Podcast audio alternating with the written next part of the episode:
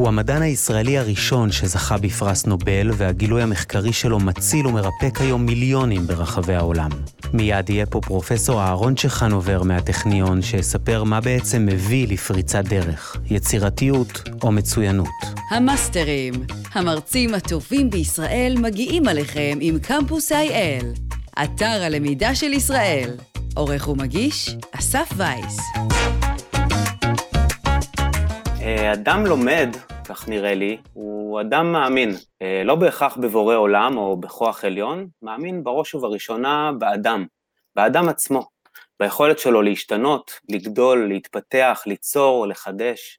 אני משער שהרבה מהצופים פה ומהמשתמשים בקמפוס אייל הם אנשים לומדים, ששואלים את עצמם לא פעם מה ללמוד, במה לעבוד, איך להגיע לסיפוק מקצועי, כיצד אולי להשיג פריצת דרך.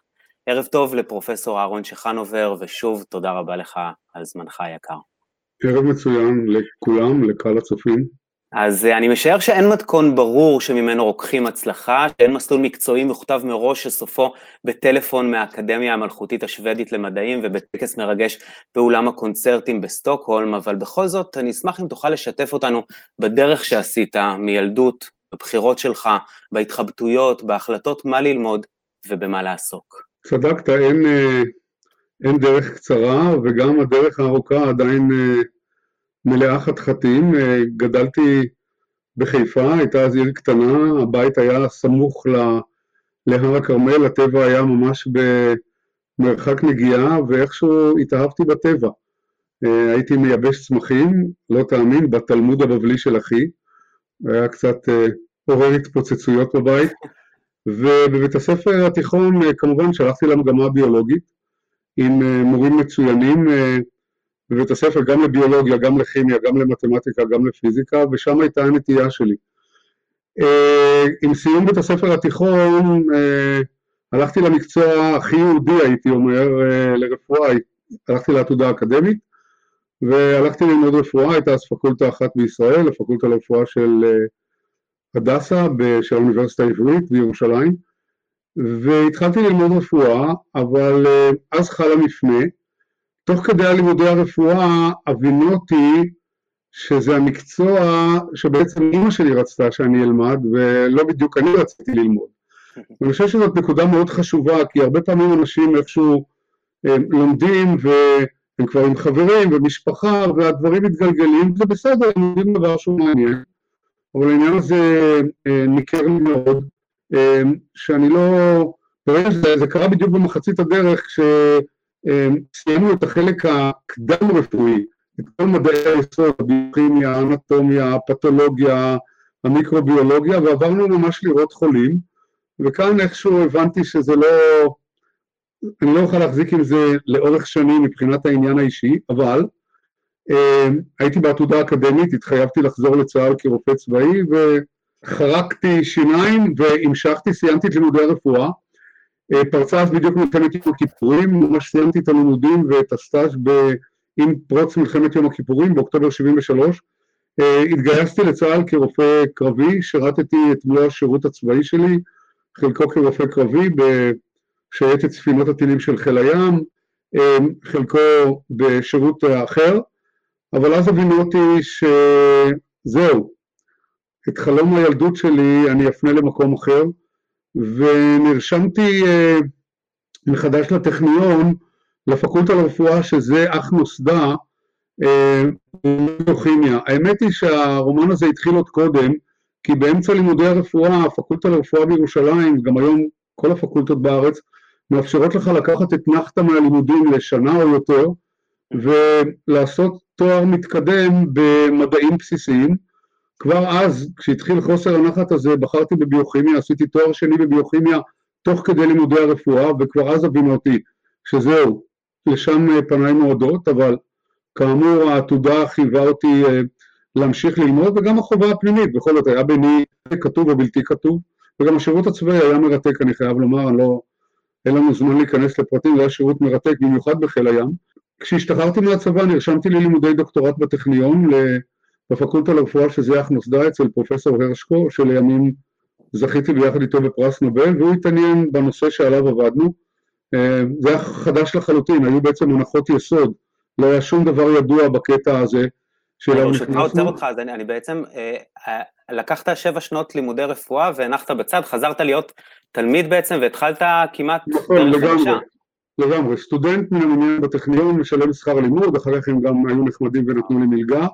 אמ, הכל מההתחלה, כמובן דרש התייעצות במשפחה, אתה יודע, ממפרנס אתה הופך למפורנס, אה, אתה משנה את אה, הטיית הפועל פרנסה, והפכתי לסטודנט בטכניון לחמש שנים לעבודת הדוקטורט, ובעבודה הזאת גילינו אמ, אכן את אה, מה שלימים לקח אותנו לא רק לפרס אלא לתגלית, מה שנראה יותר חשוב, לתגלית יותר חשובה ביותר, אנחנו עד היום מתמידים, אבל היום זה כבר הפך לנהר שוצף, עובדים על זה אלפי מדענים בכל העולם, חברות תרופות, היום זה כבר עולם אחר לחלוטין, אבל שם הייתה התגלית הבסיסית, אה, בתום הלימודים, ההתחלה הייתה קצת, אה, לא הייתי כל כך בטוח בדרך, אז השארתי לעצמי עוד איזושהי אלטרנטיבה בבית החולים, עשיתי תורנויות בכירורגיה ואמרתי, אם הדרך הזאת לא תצלח, אני תמיד יכול לחזור לעולם הקודם, אבל כעבור שנתיים בתוך המדע הבנתי שזהו, לשם מובילה הדרך.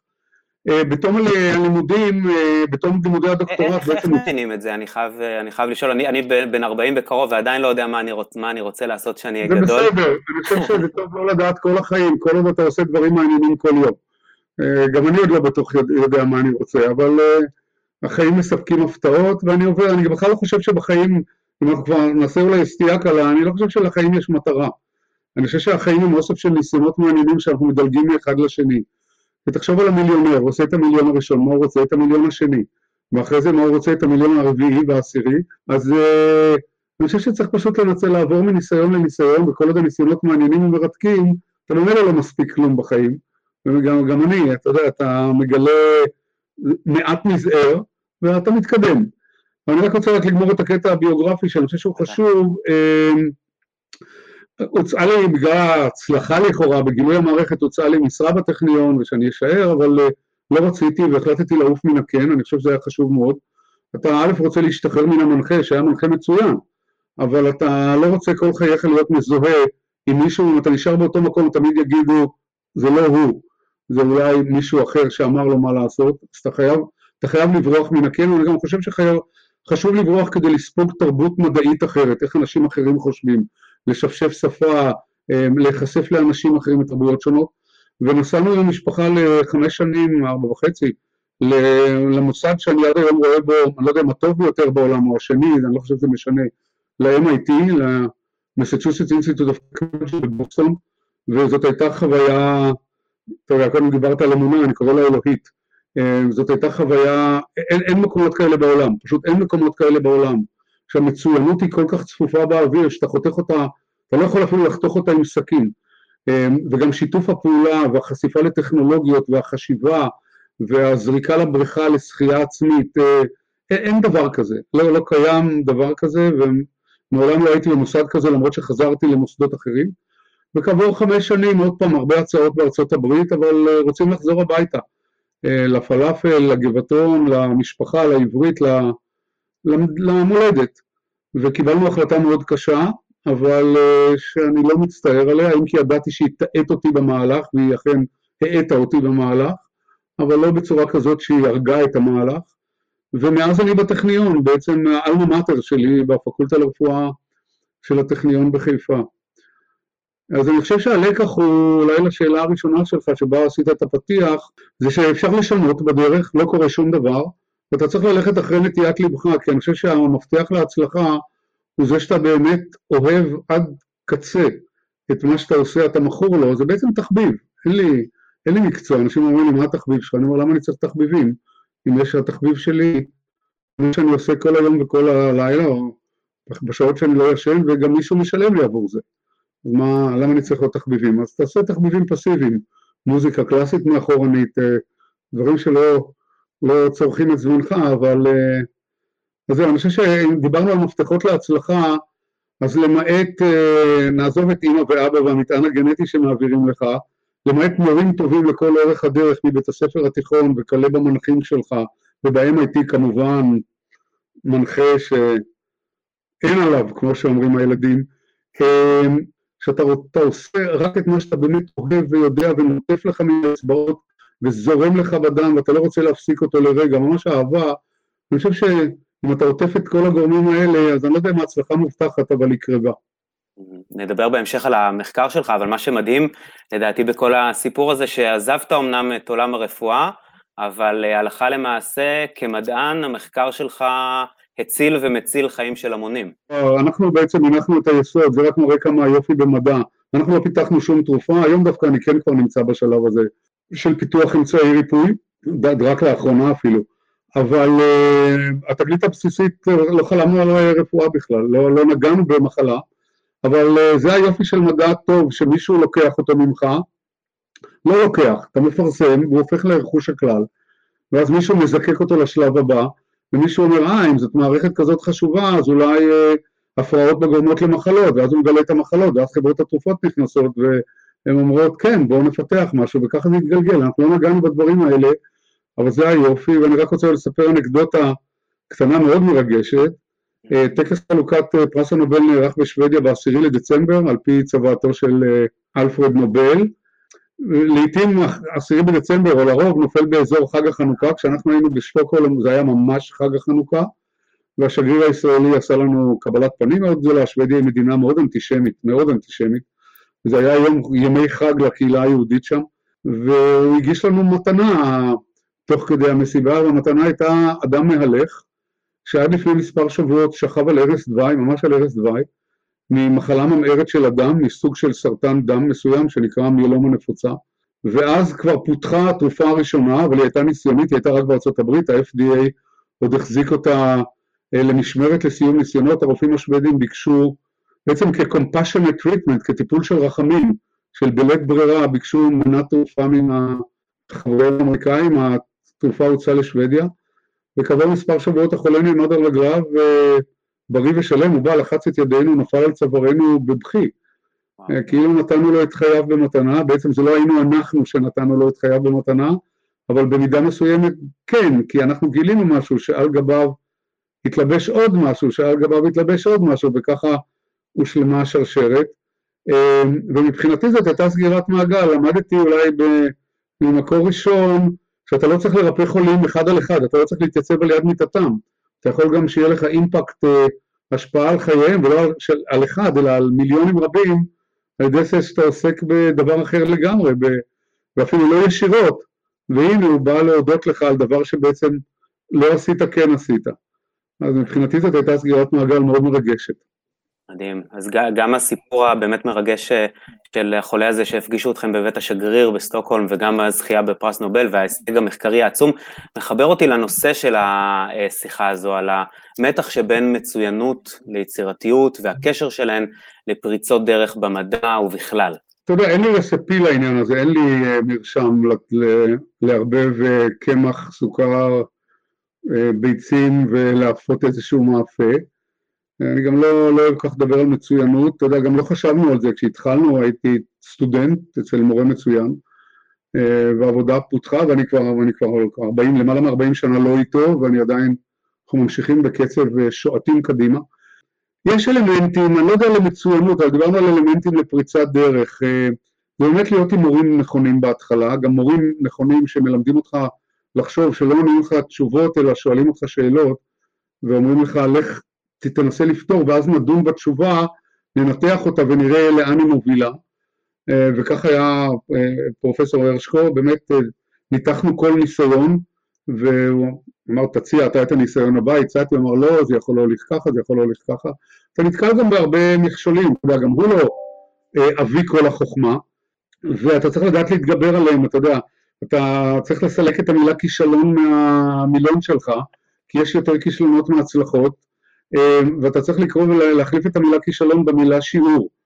אתה אומר, מה, מה אני לומד מהאי הצלחה של הניסיון, האם הרעיון היה גרוע, האם הרי, הניסיון היה גרוע, האם הריאגנטים שהשתמשתי היו גרועים, אולי יש לי שתי ידיים שמאליות שלא מצליחות לבצע את הניסיון כהלכה, ואז אתה משנה פרמטר אחד וניגש אליו עוד פעם, ועוד פעם ועוד פעם, ובסוף אה, אתה אמור להצליח, כמובן אתה צריך לדעת גם מתי להפסיק לשבור את הראש בקיר, ולעשות איזשהו מעקף, איזשהו דטור. אה, זה, זה, זה, זה, לא יודע זה מטבח, זה זה המון עניין של תחושות פנימיות, כמה אתה נותן לכל פרמטר אה, זמן ומאמץ אה, והשקעה כספית. היום כשאני מנחה קבוצת חוקרים גדולה, אז כמובן יש עניינים שסטודנטים אה, מוגבלים בזמן, הם עושים תארים גבוהים, אתה צריך שהם יצאו במשהו בידיהם כדי להמשיך לשלב הבא, אז אתה, יש כאן המון שיקולים בדרך, אבל אני אומר עוד פעם, מורים טובים זה חשוב ביותר, וגם אחר כך להיות במקום מצוין.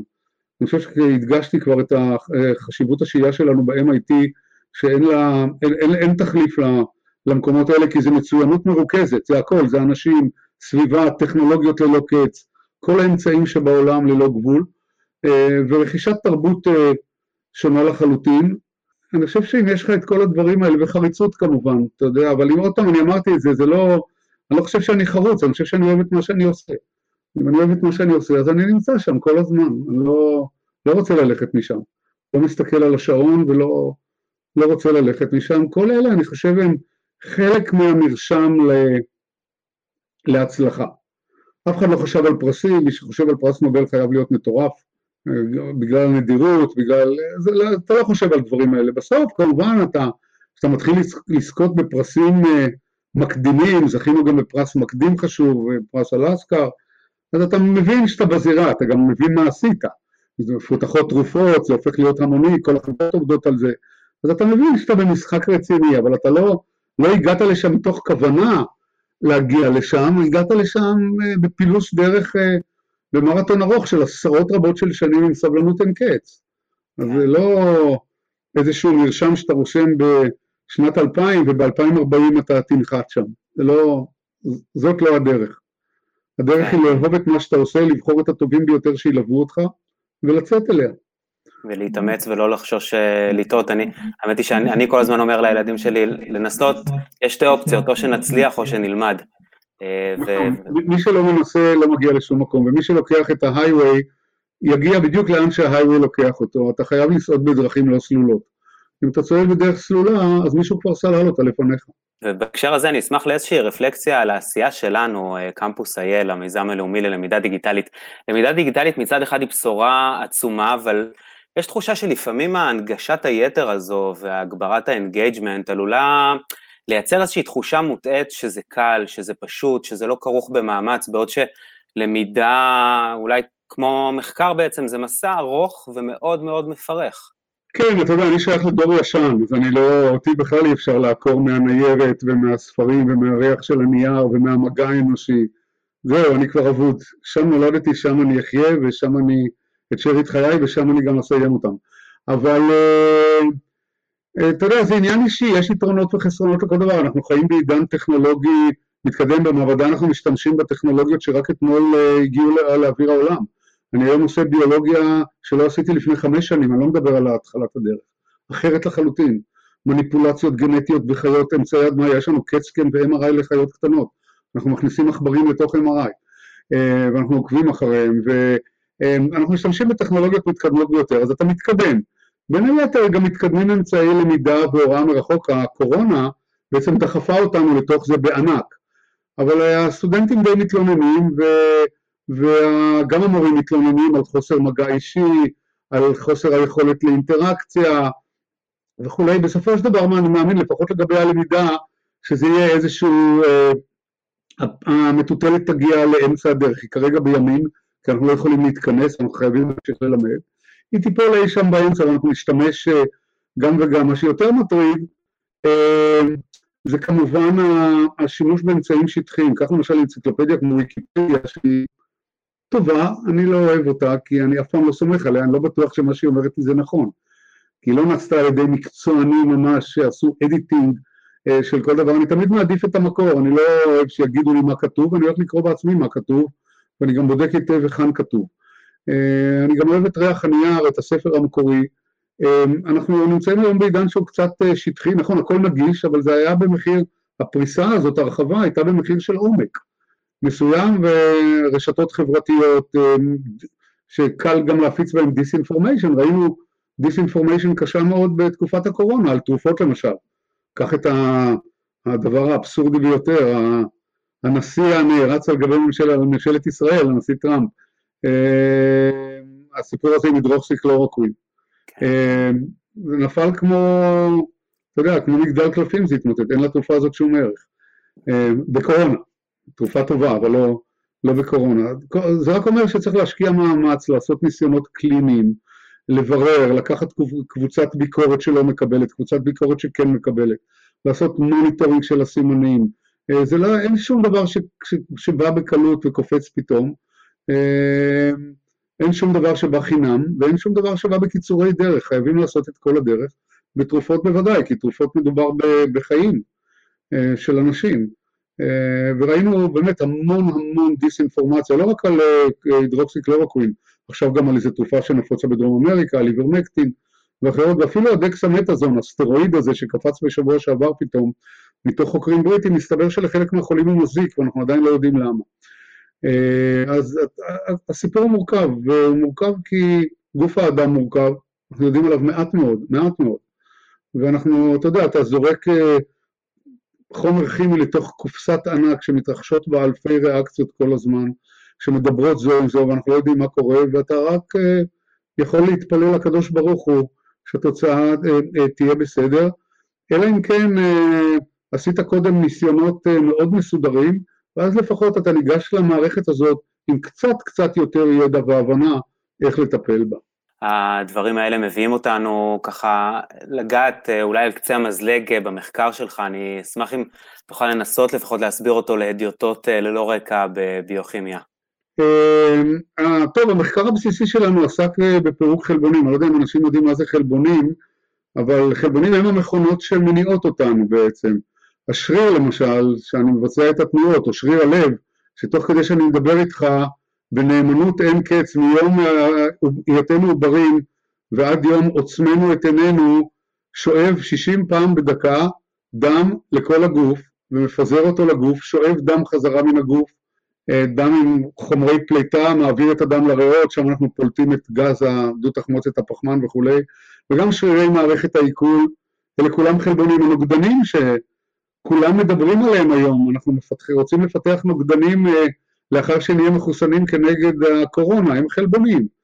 האנזימים שמעכלים את המזון, העיניים, הקולטנים של האור בעיניים שרואים את המראות הנפלאים של העולם ומתרגמים אותם לאחר מכן להבנה של מה אנחנו רואים, הראייה היא, היא שום דבר, היא סיגנל של אור, אבל האינטרפרטציה. בקיצור, אנחנו בנויים מאיזה 25 אלף חלבונים שונים, אה, שחלקם מבניים, חלבוני העצם, חלבוני האור שמגן עלינו, חלקם תפקודיים, כמו האנזימים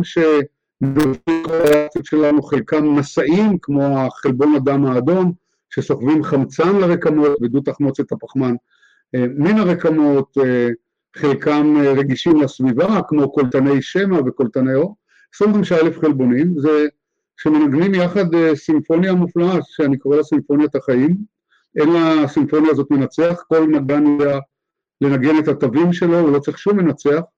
אה, בסיפור הזה הכלייה, אני מדבר איתך עכשיו, העיניים שלי עובדות, אני לא חושב על זה, השמיעה עובדת, הראייה, היציבה, הכליות, מערכת העיכול, מערכת הנשימה, הכל מתקתק בטיק טק שוויצרי ויותר אדיר, אבל דא עקא שהחלבונים האלה הם מאוד רגישים, הם רגישים לטמפרטורה, הם רגישים לחום, הם מאוד רגישים לחום, לא לחום גבוה, לחום, לחום הגוף שלנו, הם, רגישים למוטציות, לקרינה, לכל דבר הם רגישים והם מתקלקלים, הם מתקלקלים כל הזמן, הדוגמה הכי טובה שאני יכול לתת לך זה תיקח אה, אוכל חלבוני, תיקח בשר טרי, קח חלב ותשאיר אותו בטמפרטורת החדר, לא, אל, אל, אל, אל תחמם אותו, סתם תניח אותו על השולחן, תראה מה קורה אחרי יום, תראה מה קורה, הוא נרקב.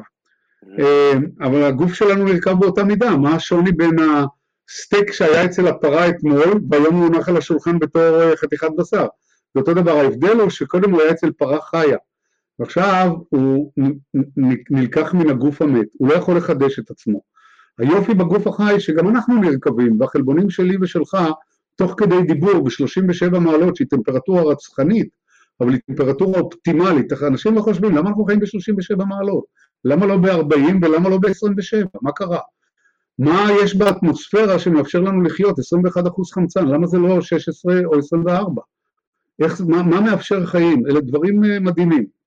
אבל אלה הם התנאים האופטימליים לחיים, אבל אלה חיים בתנאים קשים, התנאים האלה תחת חמצן גבוה, תחת טמפרטורה גבוהה, תחת קרינת החמה, גורמים לקלקול של המערכות, ולכן האבולוציה התאפשרה רק בגלל שפיתחנו במקביל מנגנוני תיקון.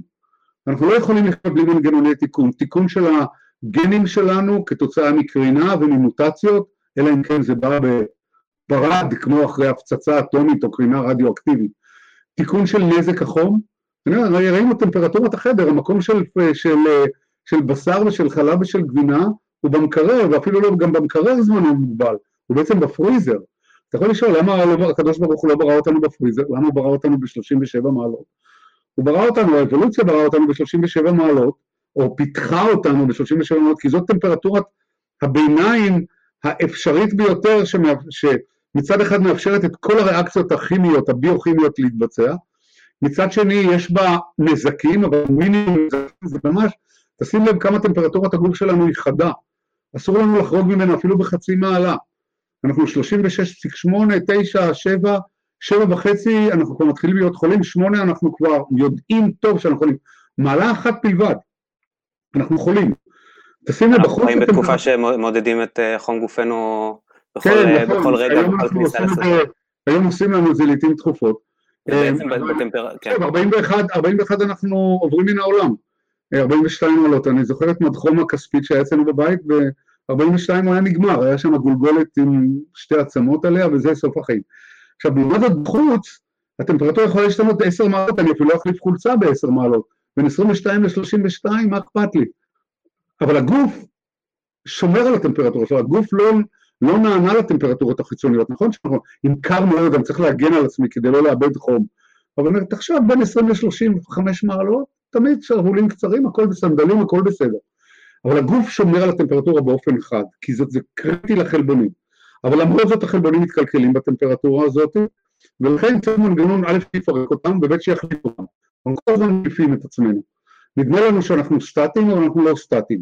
אנחנו מחליפים לקרוב לחמישה אחוז מהחלבונים שלנו מדי יום.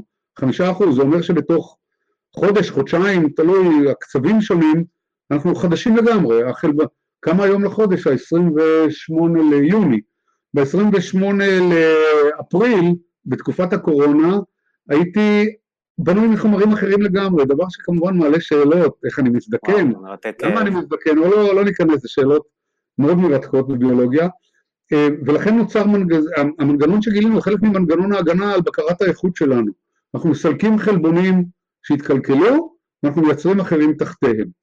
אנחנו גם צריכים לסלק חלבונים שאנחנו לא זקוקים להם יותר. תחשוב, נגיד אתה חס ושלום חולה בקורונה ואתה מפתח נוגדנים, והנוגדנים עוזרים לך להתגבר על המחלה, אבל אחר כך אתה כבר לא צריך את הנוגדנים האלה, אז אתה מסלק אותם. אתה רק שומר את הזיכרון איך לייצר אותם והיה ותחלה שוב. לכן אנחנו כל חורף לוקחים חיסון נגד שפעת כדי עוד פעם להגדיל את הזיכרון. אה, אני לא צריך אותם, אז אתה צריך לפרק, אז גם, אז המנגנון הזה שאנחנו גילינו עוסק א' בפירוק חלבונים שהתקלקלו ומתקלקלים כל הזמן, כל הזמן, וב' בסילוק של חלבונים שאתה לא זקוק להם יותר, וכשתצטרך אותם, תייצר אותם. ולכן זה מנגנון חשוב ביותר, ואנחנו גילינו את הבסיס שלו בלבד, ואז כפי שאמרתי, מחלות, ניסיונות הרבה יותר מתקדמים שאנחנו עשינו בחיות, גילוי מחלות, גילוי תרופות, והיום זה תעשיית ענק, מיליוני אנשים נהנים מזה אני מקווה, ואנחנו גם רק בקצה הקרחון. אז מה שאנחנו עושים במעבדה היום, אנחנו עם הזרם, פעם היינו לבד, היינו בערוץ נחל קטן עם בקושי כמה טיפות מים זורמות בו, ואנחנו משמרים על נישה שהיא ייחודית לנו, אתה יודע, העולם הוא תחרותי, עולם המדע הוא מאוד תחרותי. אז אני רוצה להבין רק שהבנתי נכון, בעצם המערכת האוביקיטין שגיליתם זה בעצם סוג של משאית פינוי אשפה של התא, שמוציאה את אה, החלבונים ומצלקת אותם. כן. אבל חלק מהאשפה היא אשפה טובה, חלבונים שאתה לא זקוק להם יותר, הם טובים, אבל אתה רק לא זקוק להם. אז אתה לא משתמש בהם, נגיד הנוגדנים הם עדיין יודעים לנטרל את הווירוס, אבל אם אין וירוס, מה אני צריך אותם? אז אני מסלק אותם ורק שומר את תאי הזיכרון במערכת החיסונית, שיתעוררו מחדש והיה והווירוס יתקוף אותי בשנית. אם הם לא אה, מסולקים מהגוף, אז זה, זה אלה הדברים שמובילים למחלות? אה, אם חלבון שעבר מוטציה וגורם לסרטן לא מסולק מהגוף, כן, הוא גורם למחלה שקוראים לסרטן. ואם חלבון שעבר שינוי אה, והפך לאיזשהו אגרגט לביצה קשה מצטבר במוח, והוא מצ... אז כן, אז אתה, אתה סובל ממחלת אלצהיימר או פרקינסון או ALS, כן, בהחלט, אתה צריך לסלק חלבוני זבל מהגוף כל הזמן, אונליין, all the time. בוודאי. אז התגלו מחלות ועכשיו יש גם תרופות, ובמעבדה אנחנו עוסקים בעיקר בסרטן, ברמות מאוד בסיסיות, ובמחלות של המוח, מחלות ניווניות של המוח, לאו דווקא הנפוצות ביותר, אתה יודע, במעבדה אתה לא תמיד יכול לעבוד או רוצה לעבוד על משהו שהוא הכי פופולרי, למשל אלצהיימר. אתה לפעמים נאלץ לעבוד על מחלות שהמודלים שלהם יותר נפוצים, כי אנחנו עובדים במעבדה על מודלים, אז אנחנו עובדים על מחלת הנטינגטון, שהיא מחלה מאוד קשה, אבל הרבה יותר נדירה מאלצהיימר, אבל יש לה את האופיינים של אלצהיימר מבחינה ביולוגית, ואנחנו עוסקים גם בה. אז אה, אנחנו היום התקדמנו כבר, אתה יודע, עם הזרם, עם כולם, ואני מקווה שאנחנו שומרים לפחות על, אה, על אה, עדיפות בתחרות בקטע הקטן שאנחנו עוסקים בו, אבל זה מאוד משמח ומאוד מספק לראות המונים שהצטרפו אליך במסע הזה. אתה לא רוצה אוקיי. להישאר. מצד אחד זה תחרותי, את זוהר הבדידות קוסם בהתחלה, אבל לאחר מכן אתה נשאר בודד כל הזמן, סימן שאתה לא עושה משהו חשוב, אז מה זה מעניין? אם אף אחד לא מצטרף אליך ולא מצטט אותך ולא מזמין אותך ולא זה, אז מה, אז מה עשית? אני חייב לחזור לנקודה שהזכרת מקודם, היא פשוט מציתה את הדמיון, כי אם הרי כל החלבונים מתחלפים כל הזמן, אמרת שמגיעים למצב שבו כל מערך החלבונים מתחלף כליל, וזה כמובן מעלה את השאלה הפילוסופית המפורסמת על הפרדוקס של ספינת אה, תזהוס, או הנהר של הרקיטלוס, שאי אפשר להיכנס אליו פעמיים, אז, אז לא יודע, אם אפשר, אולי זה בכלל כן, שאלה פילוסופית ולא מדעית. יש כאן שאלות מאוד מרתקות, אני לא יכול להיכנס אליהן, כי א', הם רק בשלב תיאוריה, ואני לא רוצה לזה. אחת השאלות זה איך זה יכול להיות שאני מחליף את החומרה, כי החלבונים עם החומרה, אבל התוכנה נשארת, איך הזיכרון נשאר, למרות שחלבוני הזיכרון נעלמים. מדהים. איך הרגשות נשארים, איך האינטליגנציה נשמרת, איך ה... כל התכונות הגבוהות של המוח הם, הם, הם, נשארות. אז איך למרות שאני מחליף את ה... כשאתה מחליף מחשב, אתה יכול, אתה יכול להחליף מחשב במחשב זהה, אבל אתה עדיין צריך להעביר תוכנה ממחשב למחשב. פה אנחנו יודעים להחליף את המחשב בלי להעביר תוכנה. וגם, אז זו שאלה אחת שהיא מאוד מרתקת. שאלה שנייה שהיא מאוד מרתקת, אם הכל חדש, אז למה אנחנו מזדקנים? אני כן מחליף, והכל חדש, ואני מזדקן. אה, אז ההזדקנות היא כמובן מיוחסת לפרמטרים גנטיים, כי החלבונים החדשים, הם לא ניזוקו על ידי קרינה, אבל הם כבר ניזוקו על ידי נזקים גנטיים, למשל, אני רק מביא את זה כדוגמה. Mm-hmm. אז הם לא לגמרי חדשים, הם לא כביום היוולדי. אבל יש כאן המון שאלות מרתקות. אה, בפילוסופיה הסובבת את, ה, את הנושא הזה, ובוודאי שאתה עושה במערכות גדולות, אתה נגרר לפילוסופיה, אה, זה, זה חלק אה, בלתי נפרד, אתה נגרר להלכה יהודית, אתה נגרר להרבה מקומות שבתחילת הדרך לא מדברים אליך, אבל פתאום אתה רואה שאתה מוקף בעולם שלם, ואני חושב שגם בלי רוח אין, אין מדע. אם אתה לא חושב על אתיקה, אתה לא חושב על... במקרה אני, אנחנו יהודים, נכון? אתה לא חושב על יהדות, מה ההלכה אמרה על הדברים האלה, מה מותר, מה אסור, אה, איפה המגבלות, איפה מגבלות הכוח במדע, יש ויכוחים אתיים כבדים ביותר במדע, על אדיטינג אה, של גנים, מה אנחנו יכולים לעשות, האם אנחנו רוצים לשפר תכונות של האדם, איפה הגבול המותר לשיפור תכונות, היה הניסיון המפורסם של הסיני לפני שנה, שעלה לכותרות אה, וכולי, האם אנחנו יכולים לבחור תכונות, איזה תכונות, המדע המודרני משפיע עלינו, לשמחתי, גם שאלות אתיות לרוב, שאנחנו מתחילים לעסוק בהן היום בצורה מאוד אינטנסיבית, לא, אנחנו לא נשארים בתוך המבחנה. האמת היא שבימים אלה נמצא בפיתוח אה, קורס אה, באתיקה של הטכניון שצפוי לעלות בשנה הבאה להעביר אה, אצלנו בפלטפורמה בקמפוס אייל. שמעתי אותך מדבר פעם על רפואה מותאמת אישית, עד כמה התחום הזה עובר מהפך ובמקום מודל של one size fits all יהיה אפשר ליצור לכל אחד ואחת את המענה הנכון עבורו ומעניין אותי אולי לנסות לקשור את זה קצת, כן. זה תהליך, אה, זה תהליך במהלך, זה לא שאתה יודע, יום אחד בעיתון אה, הארץ יכריז שמהבוקר, כמו שהוטל סגר, נכנסת לתוקפה רפואה מותאמת אישית, זה לא עובד ככה. אנחנו נמצאים בתוך מהלך שהוא בעצם זה buzzword לפיתוח טכנול, לפיתוחים טכנולוגיים. אנחנו מסוגלים היום לקרוא מחלות הרבה יותר מדויק ממה שקראנו אותם קודם. אנחנו יודעים לקרוא את ה-DNA, אנחנו יודעים לקרוא את ה-RNA, אנחנו יודעים לקרוא את החלבונים, לא לגמרי. אה, כל טכנולוגיה היא במצב שונה מהטכנולוגיה האחרת. וגילינו להוותנו עד כמה היינו עד שנות התשעים נאיבים. למשל אישה הופיעה עם סרטן שד, חשבנו שיש לה סרטן בשד, זהו, יש גוש בשד וזהו, ונטפל בו. בכירורגיה, בהקרנה, בכימותרפיה, לא חשוב, אותו דבר גבר עם, לא חשוב, עם סרטן ההרמונית, או, או אלצהיימר, או התקף לב, ואז כשלקחנו, כשכל הטכנולוגיות האלה נפרסו בפנינו, ודגמנו אלפי נשים שחולות בסרטן השד, הבנו שאצל אחת זה סרטן א', אצל השנייה ב', אצל השלישית ג' ואצל הרביעית ד', אני תמיד משווה את זה למכונית, כי אני אוהב מכוניות. אתה אומר, אתה לא יכול להדליק את המכונית בבוקר, אז זאת המחלה, אז המחלה היא סרטן שד. עכשיו השאלה, מה יכול לקרות לה, מה קרה למכונית? יכולים להיות לה הרבה דברים. שכחת למלא דלק, אה, לא שמת לב שאיבדת שמן, הצטים נרטבו בלילה, אה, כל מיני דברים יכולים לקרות לה. אז המחלה היא א', אבל הסיבה היא ב'. אז גילינו לאבותינו, לטומאתנו, שכל המחלות בעצם הן רבות סיבות. ואם לא נגלה את הסיבה למחלה, לא נוכל לעולם לפתור את המחלה, נוכל תמיד לראות עליה ב-one size fits all, כלומר, אני יכול לקחת את כל אוכלוסיית העולם המבוגרת ולהלביש אותה בפיג'מה. ולא צריך ללכת לחייט לתפור פיג'מה. למה? כי יש גומי שכבר יתאים את הגודל. כן. אבל אנחנו רוצים לנוע מרפואת פיג'מה לרפואת חליפה. וברפואת חליפה אתה צריך להבין מה הסיבה. אז היום יש לנו כבר כלים להתחיל להבין מה הסיבה, אם יש מוטציה, ואיזה מוטציה, ואז כשאתה יודע מה הסיבה אתה גם יכול ללכת אל הסיבה. ואם אתה הולך אל הסיבה אתה יכול לחדד את הטיפול, אתה לא צריך לראות מתותח כבד בכימותרפיה, להפגיז את החולה עם כל תופעות הלוואי, אתה יכול ללכת אל המטרה. למשל היום, אני רק, אני יכול להביא דוגמה מהמערכת שלנו, יש חברה אמריקאית אה, שמפתחת אה, תרופה שגורמת לקולטן לטסטוסטרון, שהוא הורמון המין הזכרי, עוד פעם אני רוצה להיכנס, לעבור פירוק. ברגע שההורמון, הקולטן שלו עובר פירוק, הטסטוסטרון לא יכול לפעול והוא לא יכול להתניע את סרטן ההרמונית. ידוע שסרטן ההרמונית, לפחות בתחילת הדרך, הוא תלוי ההורמון הגברי, תלוי הטסטוסטרון, אבל הטסטוסטרון עובד דרך קולטן. אם אתה מסלק את הקולטן אז מסתובב טסטוסטרון שאין לו מה לעשות, הוא משתעמם, אין לו, אין לו מטרה והוא לא יכול להפעיל אותה. אז אה, כשאתה יודע שיש את הבעיה אתה יכול גם לפתח תרופה שמכוונת לבעיה, במקום לקחת את החולה ולהפגיז אותו בכימותרפיה וברדיותרפיה בהקרנה, אתה יכול ללכת עם מספריים דקיקים, עם פינצטה דקיקה, ולשלוף החוצה את הסיבה למחלה.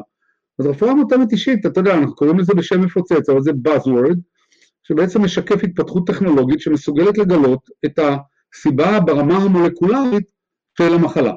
והיא הולכת ומתקדמת מיום ליום, אנחנו מגלים יותר ויותר מהסיבות שלהם. עכשיו אם אתה יודע מה הסיבה, אתה יכול למדל ולפתח תרופות כנגד הסיבה, אתה לא צריך ללכת כנגד עם תותח כבד. כן. וזה לאט לאט אה, המפה, מפת הדרכים הזאת הולכת ונחשפת לנגד עינינו. אנחנו אצלנו בעולמות אחרים, אבל גם מדברים הרבה אולי על פרסונליזציה של למידה, אה, שלא מתייחסת לכל הלומדים כשיתוקים, אלא מדייקת לכל אחד את התוכן ואת הצורה הנכונים, שזה האמת היא חנוך לנער על פי דרכו. זה כמעט בדיוק אותו דבר, זה בסופו של דבר הסיבה שילדים שונים או אנשים שונים קולטים ברמות שונות, אה, אני לא מאמין בפופולרים בראש, אני בכלל לא מאמין ברוח, אני מאמין רק בכימיה. כנראה שיש איזושהי סיבה במוח שלנו, קולטנים כאלה אחרים, אינטראקציות בין תאים, שגורמות לכך שאחד טוב במתמטיקה, השני טוב בספרות, והשלישי פחות טוב באלף, יותר טוב בגימל אה, וכולי. אה, זה נכון, ויום מן הימים, היום אתם אה, מתקרבים לזה כמו שבזמנו התקרבו לפסיכיאטריה בעזרת כלים לימודיים, יכול להיות שיום אחד אפשר יהיה להתקרב לזה באמצעות כלים כימיים, אם נבין מה קורה שם.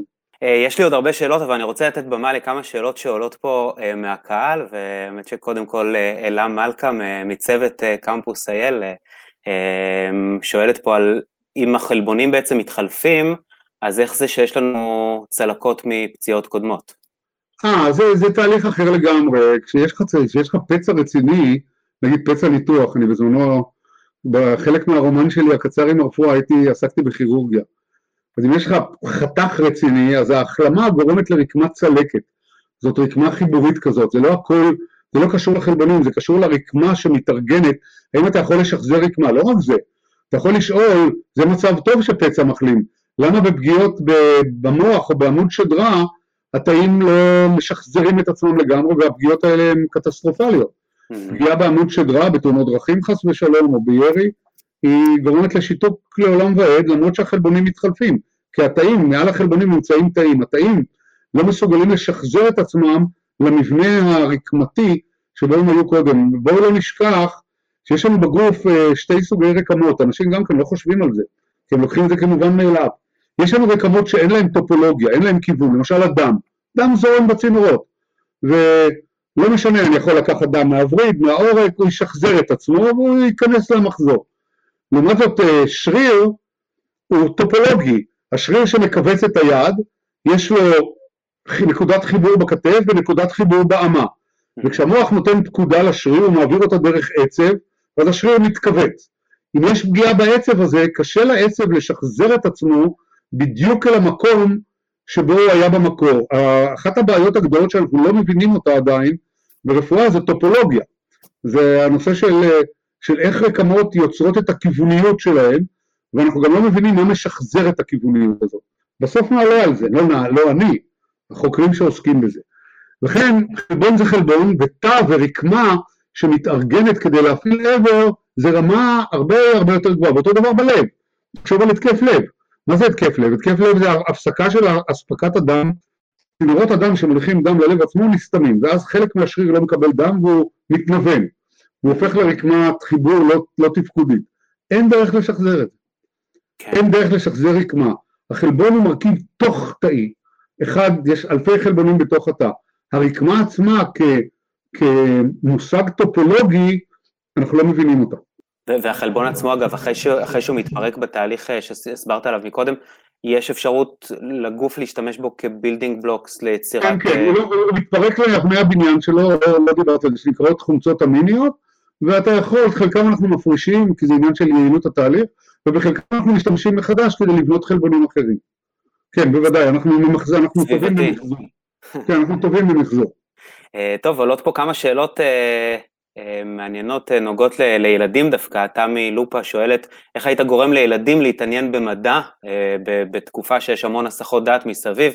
מצטרף אליה, או מצטרפת גל רוני, ששואל או שואלת איך, איך ללמד את הילדים לשימוש, לנתב את הילדים לשימוש מושכל בסלולרי באופן חכם.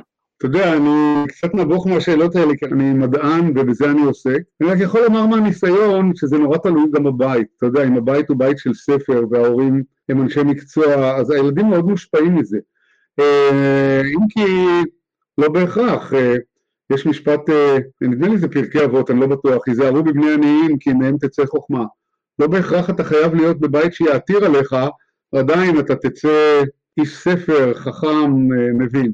לא בהכרח, אבל לבית יש השפעה גדולה מאוד, אה, להורים במיוחד, כי ההורים זה הדבר הראשון, זה האנשים הראשונים שאותם אתה פוגש בחייך, ובשש השנים או חמש שנים אתה נמצא איתם כל הזמן, והם אלה, ומהם אתה רואה ומהם אתה לומד. מורים טובים, בתי ספר, העשרה, אה, קשה, אין לי כאן אה, רספי לדבר הזה. הדבר היחידי שאני יכול לומר, אתה יודע, במדע התאהבתי, אתה יודע, אבא שלי היה המנוח, היה עורך דין, אחי עורך דין, והם מקצועות טובים, הם לא עניינו אותי פשוט. התקווה הגדולה בבית הייתה שאני הולך ללמוד משפטים, אמרו לי שאני טוב בלדבר ולהציג דברים ואני אהיה טוען טוב בבית המשפט, לא, לא עניין אותי במיוחד. הלכתי לכיוון אחר אה, לגמרי, אבל כן הייתה השפעה עצומה בבית על, ה, על הרצון לקרוא, ללמוד, אה, לעלעל באנציקלופדיה, לענות לבד על שאלות.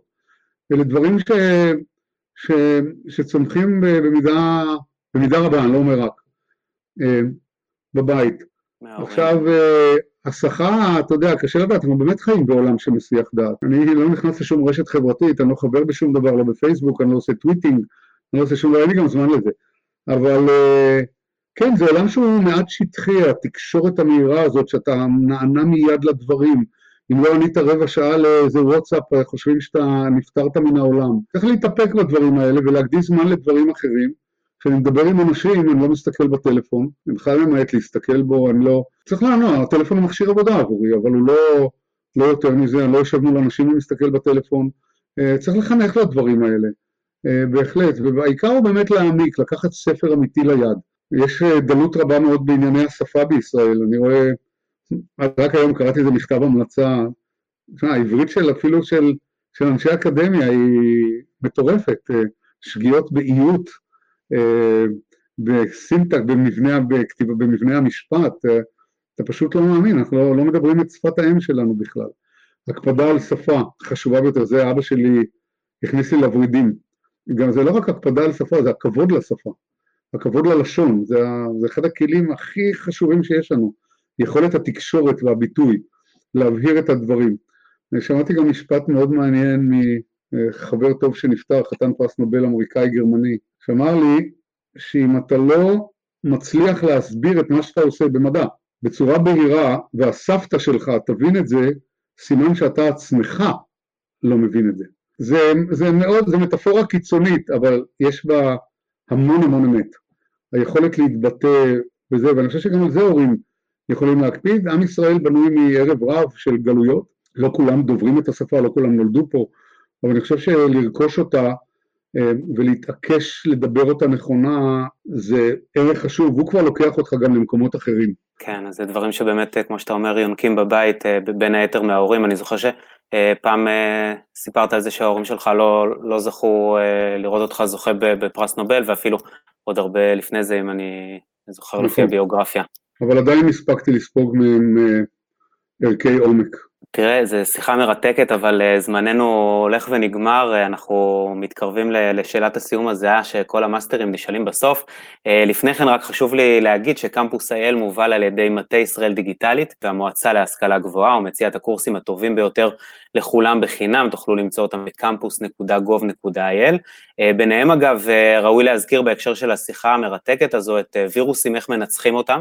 אה, של פרופסור ג'וני גרשוני ואת כימיה ממה מורכב העולם של דוקטור יוסי צפדיה, שניהם פותחו על ידי המרכז לחדשנות בלמידה של אוניברסיטת אה, תל אביב. אה, ולסיום, מאחורי השידור הזה עומדים הרבה מאוד אנשים יקרים ומוכשרים, אבישי פרידלר, שיזם את השיחה הזו והתקיימה בזכותו, תודה אבישי, טליה קולודני, אמיר גרון, לי רוזנפלד, רונית האריס ממן, אור אוסם נוסבאום ודוקטור צביה אלגלי. אה, ועכשיו נחזור אליך, פרופסור צ'חנובר, לשאלת הסיום. אז קמפוס האל, כמו שכבר אמרנו, זה מיזם שעוסק בלמידה.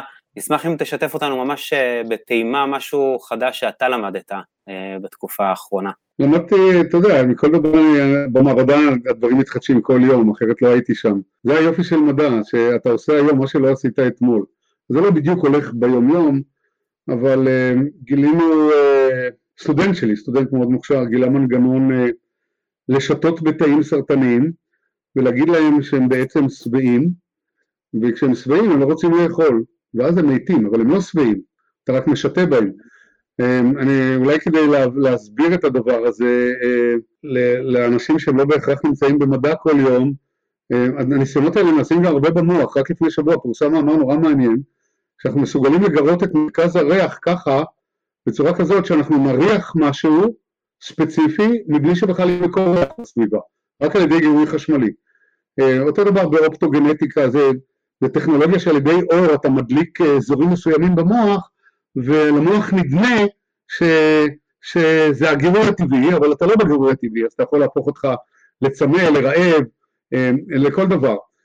לדברים רבים שלא חשבנו עליהם ככה. אז אנחנו למדנו איזה טריק, סטודנט מאוד חכם במעבדה, למד איזה טריק לשטות בתאים סרטניים ולהגיד להם, תשמעו חבר'ה, אתם שבעים, אבל לא נתנו להם אוכל, לא היה אוכל בכלל בסביבה. ואז הם חשבו שהם שבעים, הם לא גילו סימני לחץ שהם רוצים לזה, והם מתו מרעב. גם בסביבה שבעה הם מתו מרעב. אז אה, אלה דברים שאתה לומד, זה, זה, זה אלגנטי בצורה בלתי רגילה, אבל זה לא... זה המדע, זה היופי של המדע. אתה לא... במדע, בניגוד לבית הספר שמעביר לך ידע, אה, במדע אתה מחדש, לכן אתה נמצא שם, אז המדע מחדש. למדנו גם דברים שליליים בתקופת הקורונה, למדנו על misinformation, איך מדע יכול לעבור abuse, דיברנו על זה בהקשר לתרופות, איך אנשים מאמינים ל abuse, כי הם לא הולכים ובודקים, באמת דברים, כל דבר הם מאמינים. אמרו ברדיו, אמרו בעיתון, כתבו פה, אני לא יודע מה. ראינו גם דברים שליליים, צריך להיזהר מהדברים האלה, אני חושב שכל יום, אני חושב שהפונקציית הלמידה היא פונקציה של פקיחת העיניים והאוזניים לסובב אותך. אה, סיכום אה, נהדר לשיחה מרתקת, אני שוב מאוד מאוד מודה לך פרופסור אהרון שחנובר על זמנך היקר, היה תענוג. תודה רבה לכולם וערב טוב. המאסטרים, המרצים הטובים בישראל מגיעים עליכם עם קמפוס IL, אתר הלמידה של ישראל. עורך ומגיש, אסף וייס.